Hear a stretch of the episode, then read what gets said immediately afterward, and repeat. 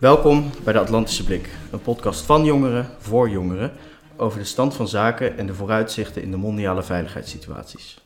Wij zijn van de Jonge Atlantici en mijn naam is Anders Leurtser. Ik zal je de komende 45 minuten meenemen in een gesprek over de midtermverkiezingen in de Verenigde Staten.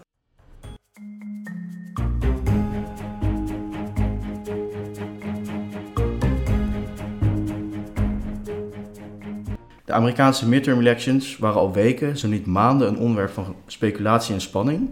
Biden sprak met de Saoedi's over de olie-export. De Fed verhoogde de rente fors om de nationale en mondiale inflatie te bestrijden. En laten we niet vergeten dat Trump er alles aan doet om het democratisch bestel verder aan te tasten. Op dit moment ziet het er naar uit dat de Republikeinen de meerderheid in het Huis van Afgevaardigden houden en de Democraten houden na overwinningen in Arizona en Nevada de meerderheid in de Senaat. Biden sprak ondanks het verlies van een aantal zetels over een goede dag voor de democratie en een goede dag voor de Verenigde Staten. Oud-president Trump had het over iets wat teleurstellende resultaten. In deze aflevering van de Atlantische Blik gaan we samen met Alex Krijger in op de internationale componenten van de midterm elections en wat de uitslag betekent voor Biden, de Verenigde Staten en de wereld. Alex Krijger is geopolitiek analist. Hiervoor treedt hij regelmatig op in Nederlandse media en helpt hij partijen met zijn analyses over mondiale verhoudingen en ontwikkelingen.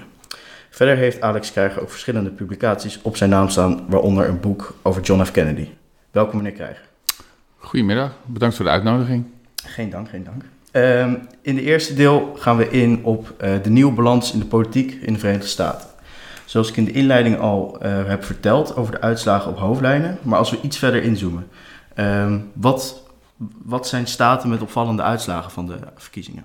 Ja, ik denk uh, diverse staten. Kijk, de grote red wave, zoals dat uh, beloofd was door de Republikeinen, met name door oud-president Trump, die is er gewoon niet gekomen. We moeten natuurlijk nog even een paar uitslagen afwachten voor het Huis en de Senaat.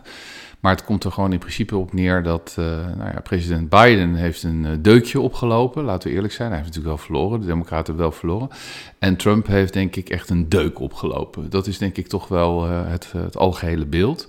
Ondanks dat de republikeinen natuurlijk hier en daar gewonnen hebben... en waarschijnlijk het huis zullen overnemen qua meerderheid. Maar er zijn diverse staten. Kijk, ik vond zelf heel treffend toch Pennsylvania... Uh, een staat uh, waar toch uh, iedere keer onduidelijk is welke kant het op gaat met de verkiezingen. Dus een echte swing state. waar natuurlijk John Vetterman, een bijzondere man, bijzondere achtergrond en ook nou, qua verschijning, hoe die zich presenteert. Heel authentiek, heel eerlijk, heel inhoudsgericht. ontzettend knap dat hij daar natuurlijk um, de senaatzetel heeft binnengehaald. Dat vond ik heel erg opvallend. Dus dat is echt, wat mij betreft, nu wel de rising star uh, in de Democratische Partij. En in Florida is natuurlijk de winst van Ron DeSantis. Um, uh, heel bijzonder. Het is wel iemand waar ik zelf al zeker al een half jaar naar kijk als uh, um, uh, potentieel uh, de nieuwe ster in het Republikeinse uh, partij.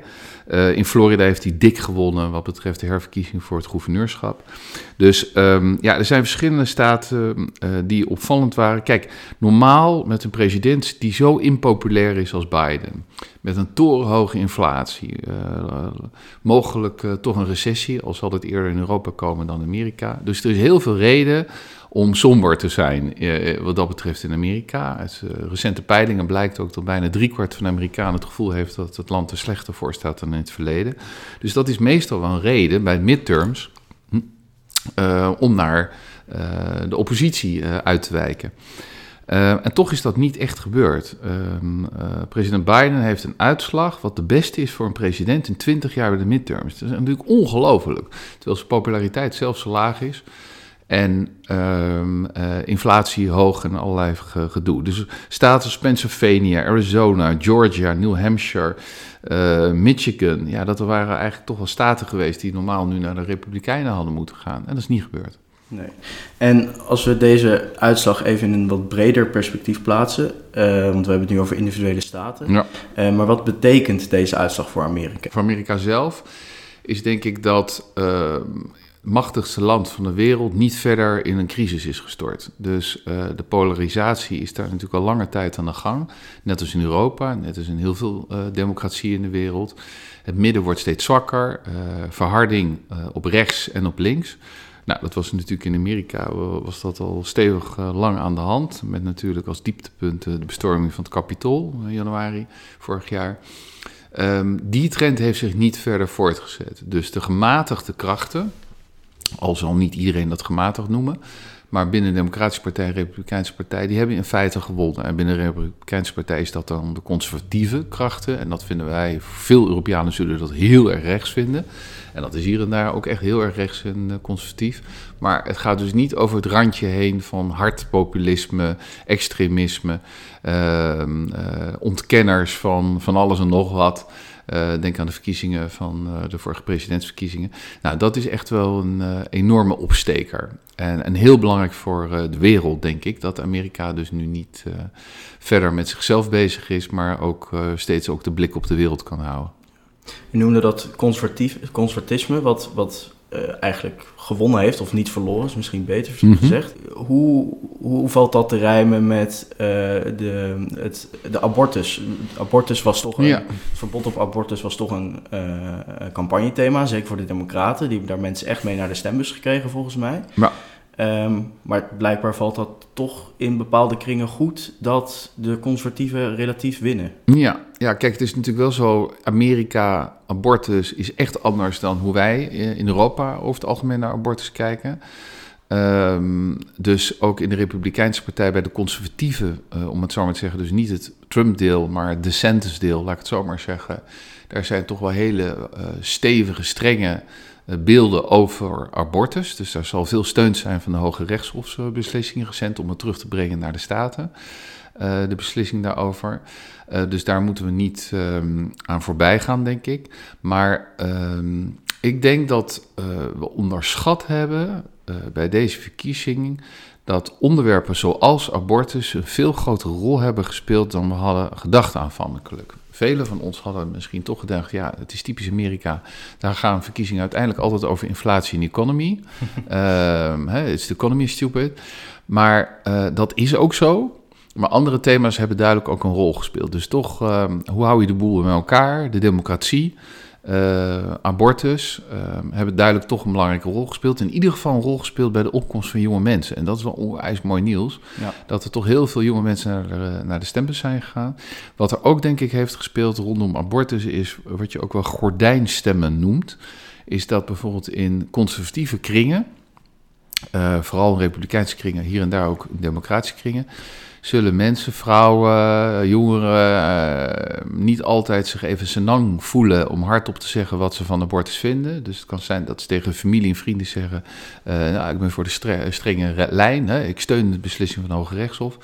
Maar dan hebben ze achter het gordijn in het stemhokje toch gedacht: nee, dat gaat de verkeerde kant op. En, en dat vind ik wel echt de kracht van de democratie. Dat we gelukkig een systeem hebben waar mensen uiteindelijk zonder last en ruggespraak toch achter het gordijn een beslissing kunnen nemen op basis van hun eigen principes en waarden. Ja. En dat is denk ik gebeurd. En nu we het toch over die thema's hebben, een uh, thema als klimaatverandering, wat erg belangrijk is voor jongeren natuurlijk, ja. en ja. waar in Amerika uh, voornamelijk de staten over gaan. Um, ik heb dat thema eigenlijk helemaal niet teruggezien tijdens deze verkiezingen. Nee, nee dat ben ik met je eens. Dat is, um, kijk, het speelt bij veel jonge mensen. Um, dit thema, het moet natuurlijk een thema zijn voor ons allemaal, een belang, prioriteit voor ons allemaal. Maar um, het heeft minder prioriteit dan sommigen van ons zouden willen, denk ik. Uh, dat is ook in Europa, ook in Nederland zo. Dat is altijd even moeilijk voor de mensen die uh, daar enorm mee bezig zijn. Maar um, kijk, ik zeg altijd van, um, het is heel goed om bezig te zijn uh, met het einde van de wereld om het zo maar te zeggen. Maar uh, het is ook erg belangrijk om respect te hebben voor de mensen die nu al heel moeilijk naar het eind van de maand komen. Uh, qua uh, prijzen, qua hoge energielasten, et cetera. Gewoon niet weten hoe ze moeten rondkomen. en daar moet je een balans in vinden. En je moet dus mensen met lage inkomens, middeninkomens, MKB-bedrijven wel meenemen in die transitie. Um, en dat is soms wel nog steeds een moeilijke opgave voor sommigen. Uh, denk ik. Uh, die wat dat betreft toch hier en daar die realiteit missen. Uh, gewoon het besef dat het allemaal voor heel veel mensen zware tijden zijn. En de kunst is dat met elkaar te combineren. maar klimaat heeft denk ik hier en daar echt wel een rol gespeeld. Maar niet in de zin wat we, ja, sommigen misschien zouden willen. Nee, ik benoemde het ook al even in de inleiding, die inflatie. Ja.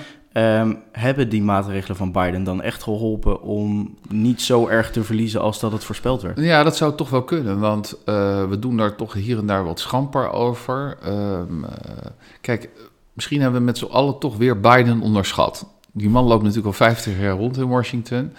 Um, ja, al in 1972, als ik me niet vergis, kwam hij in de Senaat. Enorme vracht en ervaring. Maar is toch eigenlijk altijd een beetje onderschat politicus geweest.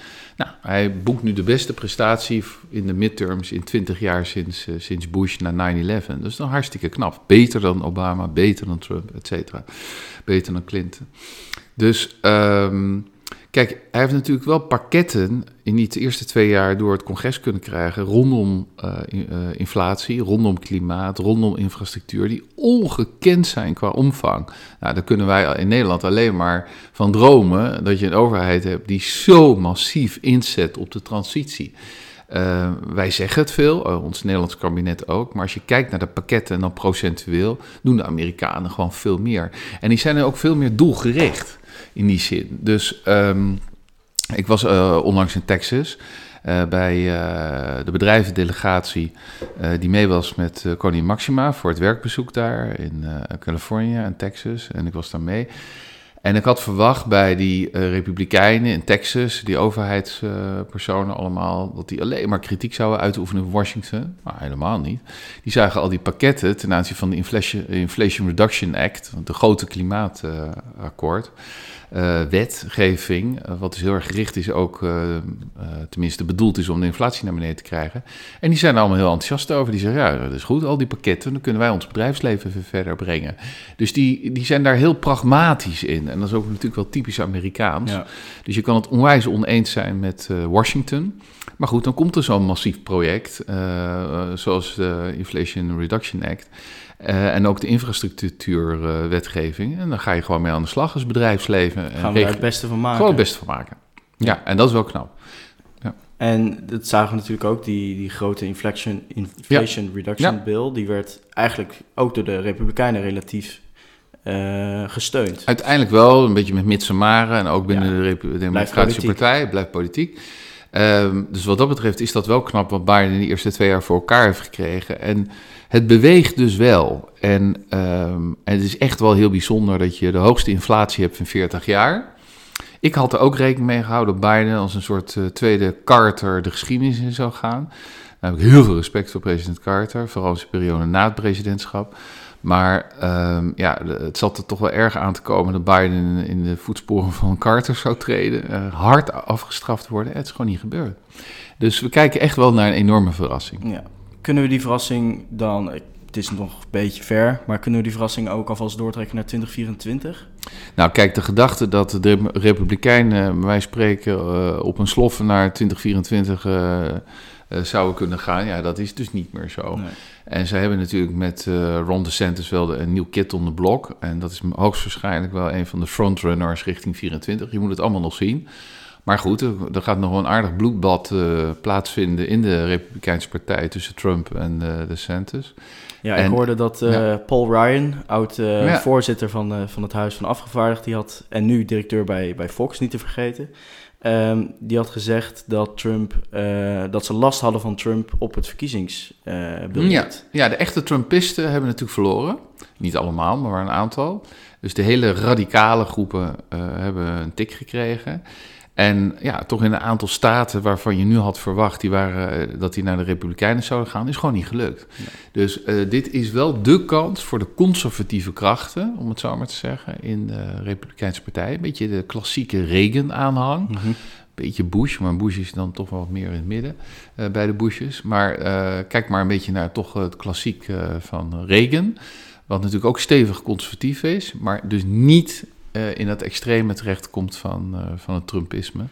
En uh, daar ontstaat dus ruimte. En dit is wel de mogelijkheid voor de Republikeinen om een beetje door te duwen binnen de eigen partij. Dus het wordt nog heel interessant hoe die richting in strijd zich gaat ontwikkelen. Het is wel zo dat je de steun voor Trump niet moet onderschatten. Uiteindelijk is dat nog echt heel groot hoor. Dus dat kan nog interessant worden. En Trump ja, zal er alles aan doen om zijn macht te behouden. Hij is de facto natuurlijk toch partijleider van die Republikeinen. En ik zie hem echt overal toestaan. Dus als die op een bepaald moment de partij uit wordt gekikt, bij wijze van spreken, ja, dan zou die worst case scenario met een eigen partij mee kunnen doen ehm, in 2024. En dan kan het nog wel eens heel erg spannend worden, want daarmee scheurt hij natuurlijk die hele Republikeinse partij eh, kapot. En dan binnen de Democraten. Dan dus, neemt hij iedereen in zijn val mee. Uh, dan neemt hij iedereen in zijn val mee. Ja. dus niks is uitgesloten. Maar geeft het iemand zoals de Sentence niet een enorm mandaat om een stap naar voren te doen in de Republikeinse partij? Hij heeft bepaalde kiesdistricten waar die jarenlang democratisch waren, heeft, hij, uh, heeft hij gewonnen.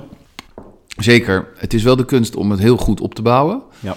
Niet ik denk dat pieken. Uh, Niet te vroeg pieken. Niet te vroeg pieken. Ik denk dat hij dat heel goed moet doen. En uh, inderdaad niet te vroeg pieken. Um, goed kijken wie uh, de able en willing zijn die hem kunnen steunen. Er zijn toch wel verrassingen hoor. Want ook de Republikeinen hebben bijvoorbeeld ook in New York, wat natuurlijk echt een hardcore democratisch gebied is, hebben ze hier en daar gewonnen, een aantal districten. Dus er zit ruimte op centrum rechts. Ja. En om het zo maar te zeggen. En als hij dat kan verenigen, dan kan hij een eind komen. Maar ik denk dat hij nog ontzettend last krijgt van uh, uh, de Make America Great Again uh, beweging. En van Trump in het bijzonder. En Trump heeft ook gereageerd en heeft hem alle hoeken van de Kamer laten zien in, in de eerste reacties. Nou, de Centus moet daar niet intrappen. Verstandig blijven en het goed opbouwen. En als we even kijken naar de Democraten en 2024. Um, Biden is nu al oud. Laat staan hoe oud hij over twee jaar is. Um, ziet u hem over twee jaar nog een keer runnen? Of moeten we toch ook verder dan Biden kijken? Ja, het is niet uitgesloten, maar is hij wel echt dik in de, en is hij echt wel een tachtiger. Um, en met alle respect, want ik zag zijn persconferentie na uh, de uitslagen, de eerste grote uitslagen, ja, daar, uh, dat deed hij toch wel heel erg ja, knap. Scherp. Scherp. En heel erg over de soul of uh, America. En dat we bij elkaar moeten blijven als Amerikanen. En toen had hij het ook over nou, de decent krachten, de fatsoenlijke krachten binnen de Democratische en Republikeinse Partij. Dus hij deed ook echt een handreiking naar Republikeinen. Dus dat deed hij toch wel erg knap hoor, vond ik. Um, en ook over Oekraïne, et cetera. Dus dan is het toch wel een hele wijze, maar wel echt oude man. En uh, dus hij zou een goede running mate moeten hebben. Ik denk niet dat het Kamala Harris moet nee, zijn. Die is toch wel onzichtbaar. Ja, hij is wel heel erg onzichtbaar. En, uh, en hij moet uitkijken dat zijn partij verenigd blijft en niet uh, te veel, ja, ik zeg het gewoon maar, het woke-kamp uh, ingaat. Want dan kan het misgaan. Dus de kunst is natuurlijk dat hij met die Democratische Partij echt in het centrum blijft. En dat het ook aantrekkelijk blijft voor centrumrechtse krachten, ja. centrum-linkse krachten. Um, dus dat moeten we nog zien. Maar ik denk wel dat hij binnen een paar maanden daar een besluit over zal nemen. Relatief snel dan al? Ja, ik denk wel binnen nu een half jaar. Dat heeft hij ook aangekondigd. Uh, lijkt me ook verstandig, anders blijft dat boven de markt hangen. Uh, maar uh, ja, je hebt met Vetterman heb je natuurlijk wel een nieuwe rising star. Maar het is ook weer niet zo dat je de vijf hebt ehm, ten aanzien van 2024 voor de Democraten. Dus ze moeten wel nog echt even wat goed HR-beleid doen. ja. Uh, u noemde al Oekraïne en daarmee wil ik eigenlijk naar het ja. tweede deel uh, van dit gesprek. Uh, en in dit tweede deel gaan we in op het Amerikaans buitenlandbeleid. Mm -hmm. En hoe dit, zal, hoe dit verder zal gaan. Ja, zeker. Um, ja. Nu het Huis van Afgevaardigden in republikeinse handen komt waarschijnlijk. Ja, nou waarschijnlijk, ja. Um, er staat nog wat op het spel. Niet alleen in Oekraïne, maar ook in de Stille Oceaan, in de Pacific. Um, en om te beginnen in Oekraïne. Uh, Amerika is de grootste bondgenoot van Oekraïne. Ja. Uh, als we kijken naar uh, militaire middelen, maar ook financiële, economische middelen. kunnen we hier een verandering in verwachten? Nou, kijk, wat voor. Ik denk dat Zelensky wel, net als heel veel andere wereldleiders, vooral in democratische landen, uh, opgelucht adem heeft gehaald. Uh, Amerika zal aanwezig blijven uh, rondom Oekraïne. is precies wat je zegt. Um, de grootste steun. Samen met de Britten geweest vanaf dag één. Maar financieel gezien, ja, en ook militair. de Amerikanen hebben ongelooflijk veel gedaan. Uh, dus um, kijk, uh, het is een ongelooflijk knappe prestatie, moedig wat de Oekraïners op, uh, op, ja, in, in de oorlog zelf voor elkaar hebben gekregen. om de Russen terug te duwen. Maar dat is vooral wel gebeurd met de Amerikaanse steun. massieve Amerikaanse steun, militair, financieel. Veel meer dan Europeanen. Veel meer dan Europeanen. Kijk, de Fransen en Duitsers echt een beetje beschamend. Dus die steun zal wel blijven. Ik verwacht echter wel, nu het wat rustiger is, dus voor uh, Biden, voor de komende twee jaar, dat die wel weer terug zal gaan naar wat de Amerikanen op buitenlands beleid het allerbelangrijkste vinden in Washington, maar ook elders. En dat is toch de rivaliteit met ehm, Rising Power China. Ja. Uiteindelijk draait het daar wel om de bijna existentiële strijd tussen ruling power en rising power. Ehm, en ik verwacht in toenemende mate dat de Amerikanen gaan duwen op de Europeanen. Om te zeggen: nu mogen jullie het stokje overnemen qua verantwoordelijkheid. Verder wat betreft de oorlog, de steun. En ook zeker als het gaat om de opbouw van Oekraïne. Ja, ik denk dat die bal volledig uh, bij de Europeanen wordt neergelegd. In uh, tweede termijnen van Amerikaanse presidenten zie je vaak dat zij meer de focus leggen op het buitenlandbeleid. Ja, zeker. Uh, omdat zij toch niet meer herkozen kunnen worden. Uh, nu is het, nou, we hadden het er net al even over, nog maar de vraag of Biden nog een keer uh, zich beschikbaar stelt als presidentskandidaat. Um, maar kunnen we ervan verwachten dat Biden in de komende twee jaar meer aandacht zal geven aan dat buitenlandbeleid? Ja, dat denk ik wel. Ja, en ik denk ook gezien zijn ervaring. En ik denk dat hij echt China staat bovenaan met Taiwan. Want de Amerikanen kijken ook naar recente uitspraken van hoge militairen. Uh, er was steeds toch het beeld van binnen nu en vijf, zes jaar gaat het gebeuren.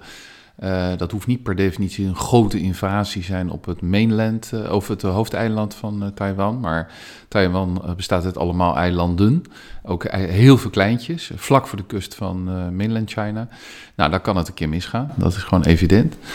en er is steeds meer verwachting dat dat eerder gaat komen, dat op moment. Misschien wel twee, drie jaar. Dus Taiwan, China, dat is echt de big thing. Uh, daar zou echt het accent liggen.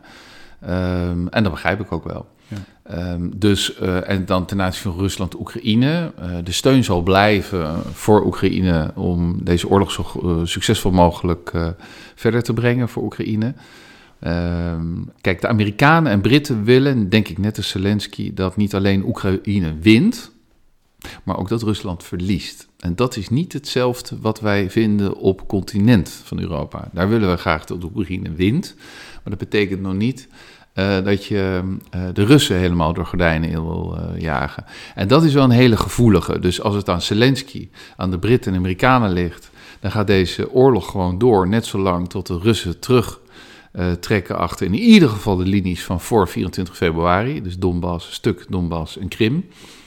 En ik sluit niet uit dat de Macrons van deze wereld, en vooral bondskanselier Scholz, die natuurlijk uh, zeker geen standbeeld in Kiev zal krijgen, um, dat die zodra Gerson definitief in handen is van Oekraïne, dat ze dat als een natuurlijk moment zeggen, uh, vinden om te zeggen tegen Zelensky, nou, we zijn straks wel bereid om jouw land helemaal op te bouwen, want dat ligt volledig in puin.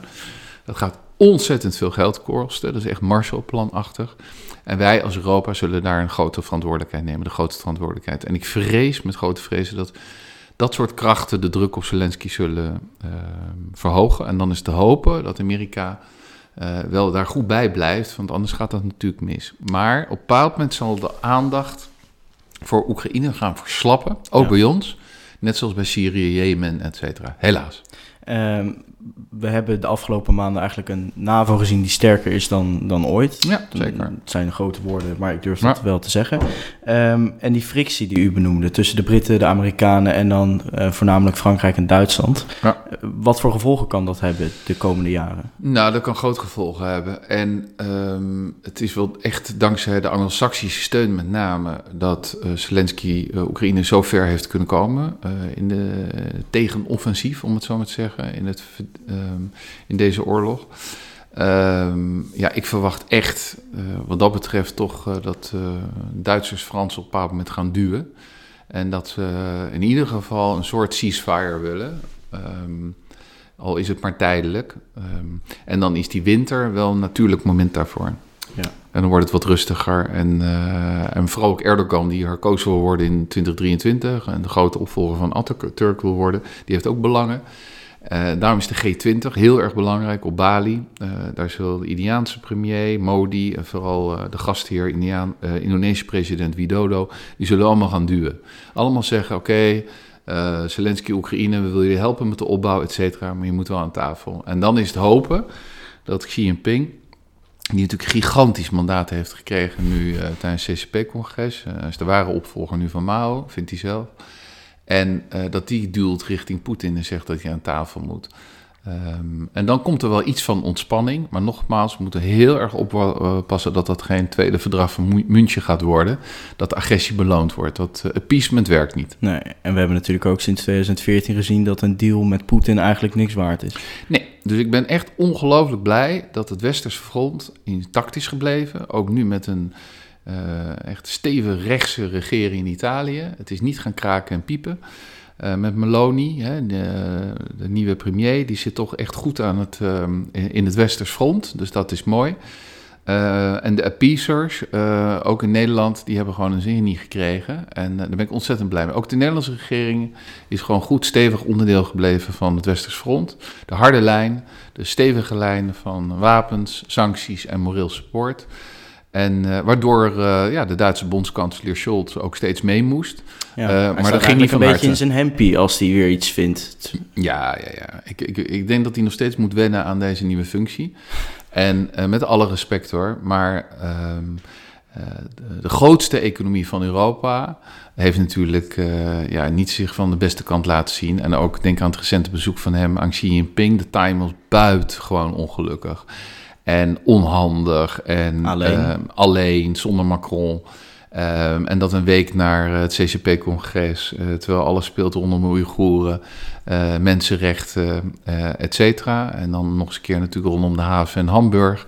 Nee, het is, daar moeten we het niet van hebben als Nederland in onze buitenlandse politiek. Dus laten we de lijntjes met uh, Anglo-Saxen goed houden. al is het wel zo, of we het leuk vinden of niet, de agenda van de toekomst zal steeds meer bepaald worden voor ons in Parijs, Berlijn en Brussel. En dat is ook prima. Daar moeten we ook aan meedoen. Maar ik denk dat het onze taak is, en daar mag denk ik het ministerie van Buitenlandse Zaken ook actiever in worden, om uh, te zorgen dat ons beleid ook zodanig wordt dat dus meer positief gericht is op Berlijn en Parijs. Vooral ook Parijs, hè, vaker de talies pakken als Nederland.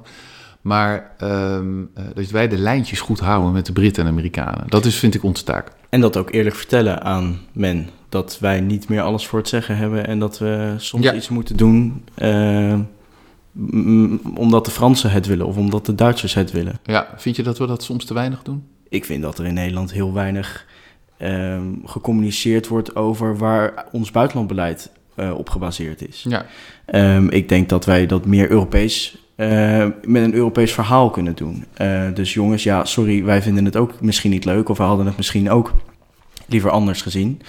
Um, maar als we dit standpunt innemen, dan weten we helemaal dat, uh, dat, we, dat, ja, dat we er niks kunnen zeggen, dat we geen toegevoegde waarde hebben. Ja.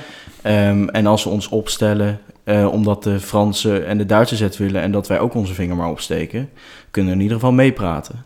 Ja, ik ben het helemaal met je eens. Ik, ik, kijk, uh, premier Rutte heeft natuurlijk een enorme internationale reputatie. Uh, gewoon een staatsman internationaal, daar kan je gebruik van maken. Goede banden met Macron. Goede banden met de wereldleiders. dus onze premier heeft een, ja, een, gewoon een hele goede reputatie.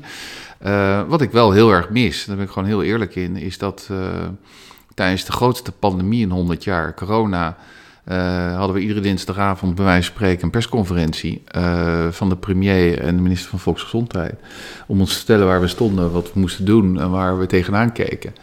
Bij de grootste interstatelijke oorlog in Europa sinds de Tweede Wereldoorlog, die een ongekende impact heeft, wat onze 9-11 is, laten we gewoon heel eerlijk zijn, zoals Jaap de Hoopscheffer en anderen dat zeggen, ja, heb ik nog in één goede persconferentie gehoord. En terwijl iemand als bijvoorbeeld minister Longren kan dat prima, en onze premier kan dat ook prima. Dus ik, uh, ik hoop nog steeds dat er vanuit het Nederlands kabinet uh, meer uh, initiatieven komen om ons meer bij te praten over wat gebeurt er in de wereld.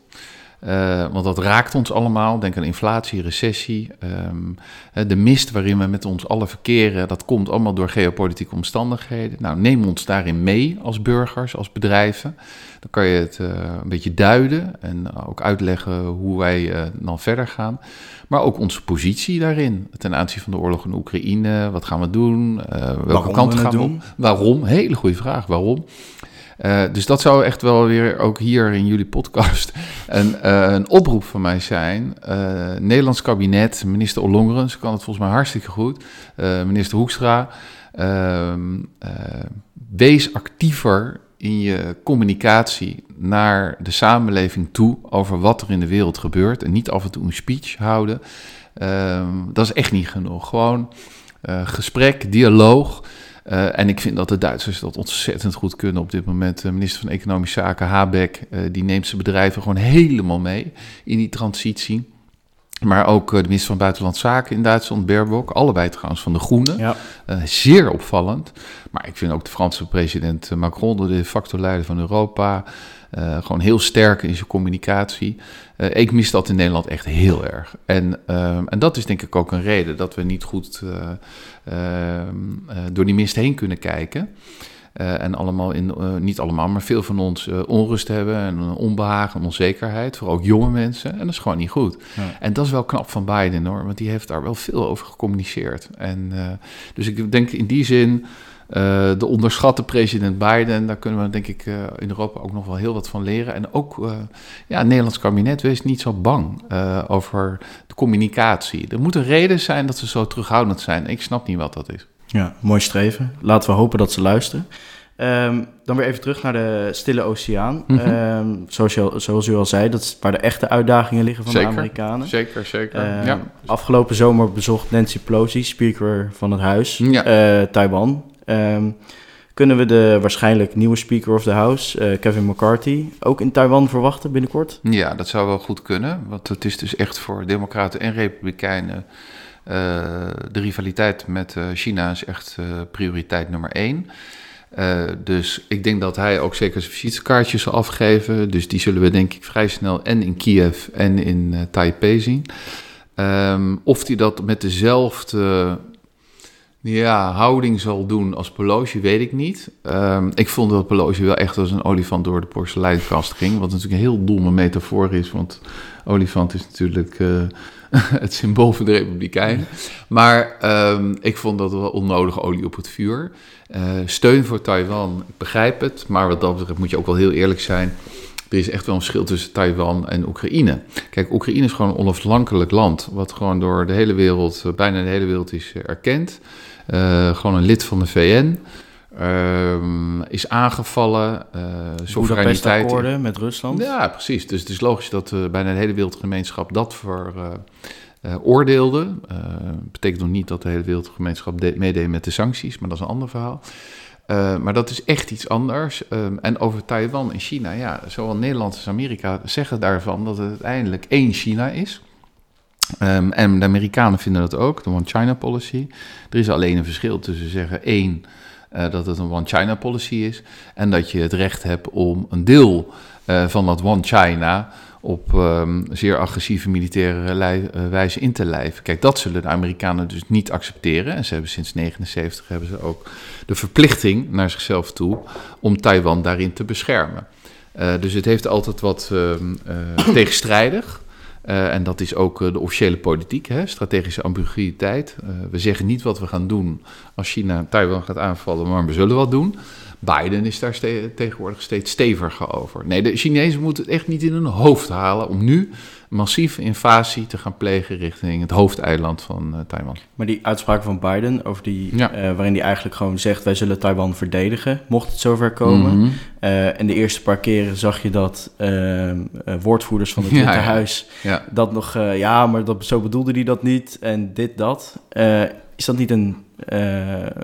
is dat niet gevaarlijker? Dat, dat die strategische ambiguïteit uh, los wordt gelaten? Mm, ja, dat is, het is ook tricky. Uh, want Biden heeft nu al echt hard opgezegd: we gaan Taiwan verdedigen.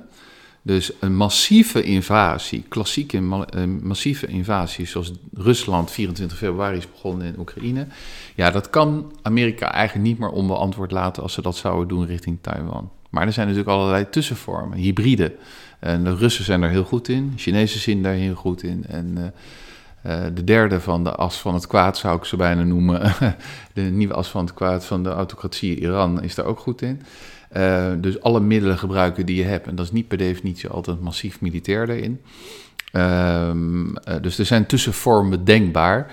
Dus ik denk wel dat de Amerikanen, zeker ook de komende twee jaar richting november 24, de verkiezingen, heel alert zullen zijn op wat de Chinezen doen richting Taiwan. En hoe gaan de Amerikanen er dan voor zorgen dat wij als wij Europa als NAVO-bondgenoten hierin meegaan? Um, Duitsland is lastig, heeft heel veel handelsbelangen in ja. China. Um, wij zelf ook. wij, wij in Europa volgen niet altijd dezelfde lijn als de Amerikanen. Nee, zeker niet. En daarom is het wel heel erg belangrijk dat ehm, Europa is natuurlijk economisch um, een zwaargewicht. Er zijn eigenlijk drie economische zwaargewichten in de wereld. natuurlijk Amerika, China en Europa. En India komt eraan. Maar Europa is niet één land, is natuurlijk behoorlijk verdeeld in veel opzichten. Um, en wil wat dat betreft ook strategisch autonomer zijn, zoals dat heet. En dat, dat is echt een richting die, die denk ik, niet meer omgekeerd zal worden. De trein is vertrokken, zeg ik heel vaak. En die trein uit Europa, geleid door Duitsland en Frankrijk en de EU, is groen, is digitaal en is strategisch onafhankelijker. En hopelijk ook wat eerlijker, dus minder ongelijkheid.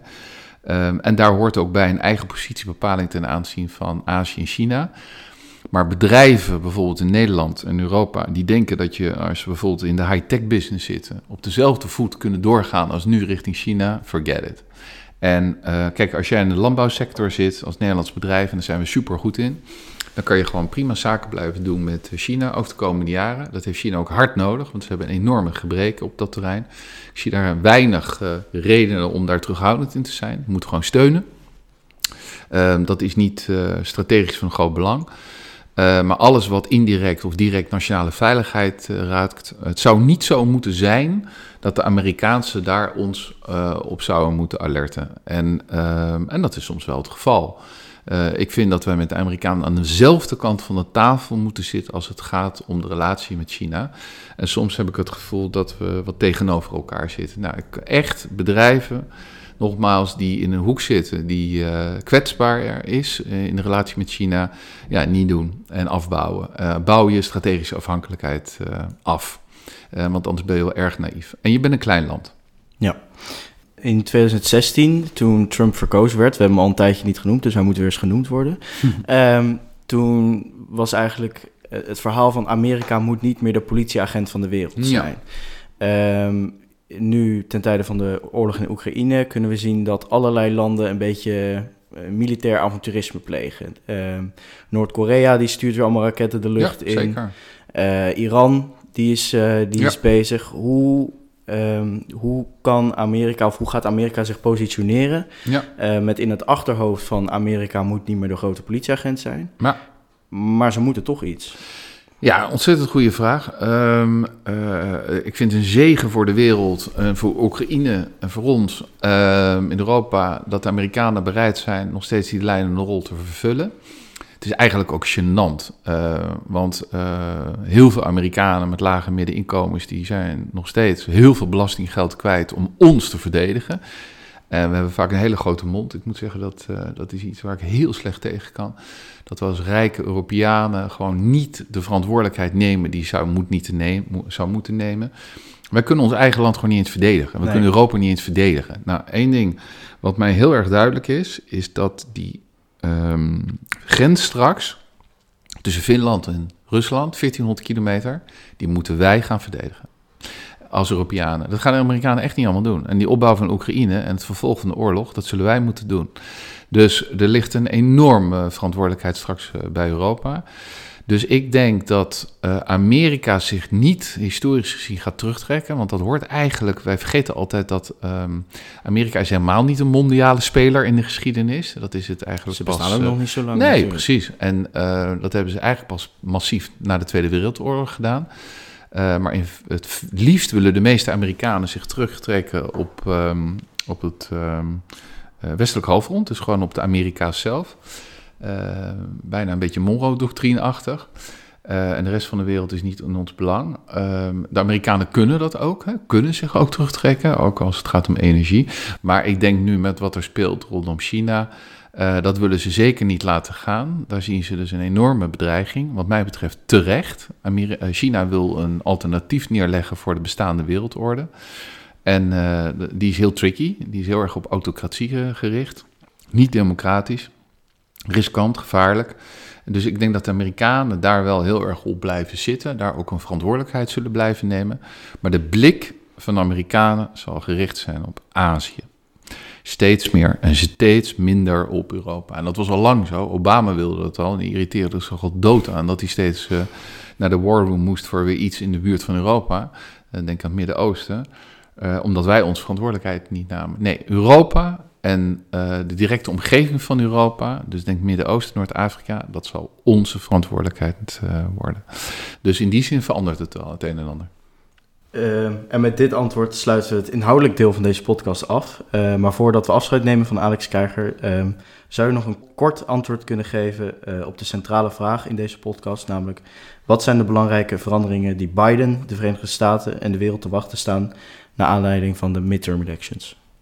Belangrijkste is denk ik dat we in feite al sinds de val van de muur in 89 een nieuw tijdperk zijn ingegaan met ons allen in de wereld.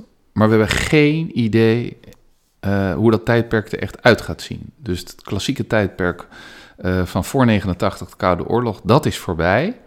Ook al hebben we nu een veel uh, steviger conflict met Russen dan we ooit hadden gedacht dat het weer terug zou komen.